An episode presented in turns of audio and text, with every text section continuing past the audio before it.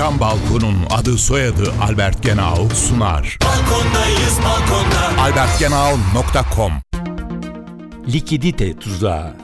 Likidite tuzağı para arzındaki artışların faizleri daha fazla düşüremeyeceği bir aşamayı ifade eder. Bu aşamaya gelindiğinde ekonomiye enjekte edilen likidite atıl birikim biçiminde elde tutulmaya başlanır ve dolayısıyla para arzındaki artış ekonomiyi canlandırmaya yaramaz. İnsanlar üç nedenle para tutmayı talep ederler. Bir, günlük ihtiyaçlarını karşılamak amacıyla, iki, gelecekteki sağlık ve benzeri sorunlarını karşılamak yani bir çeşit sigorta amacıyla, üç, spekülasyon amacıyla.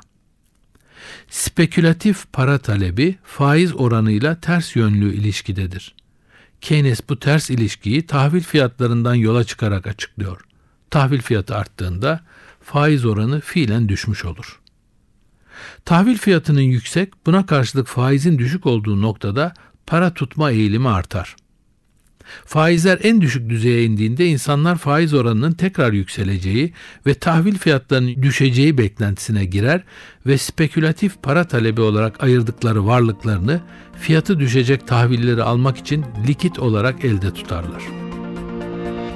Isı camlı cam balkon devrini başlatan Albert Genau sundu. Balkondayız balkonda. albertgenau.com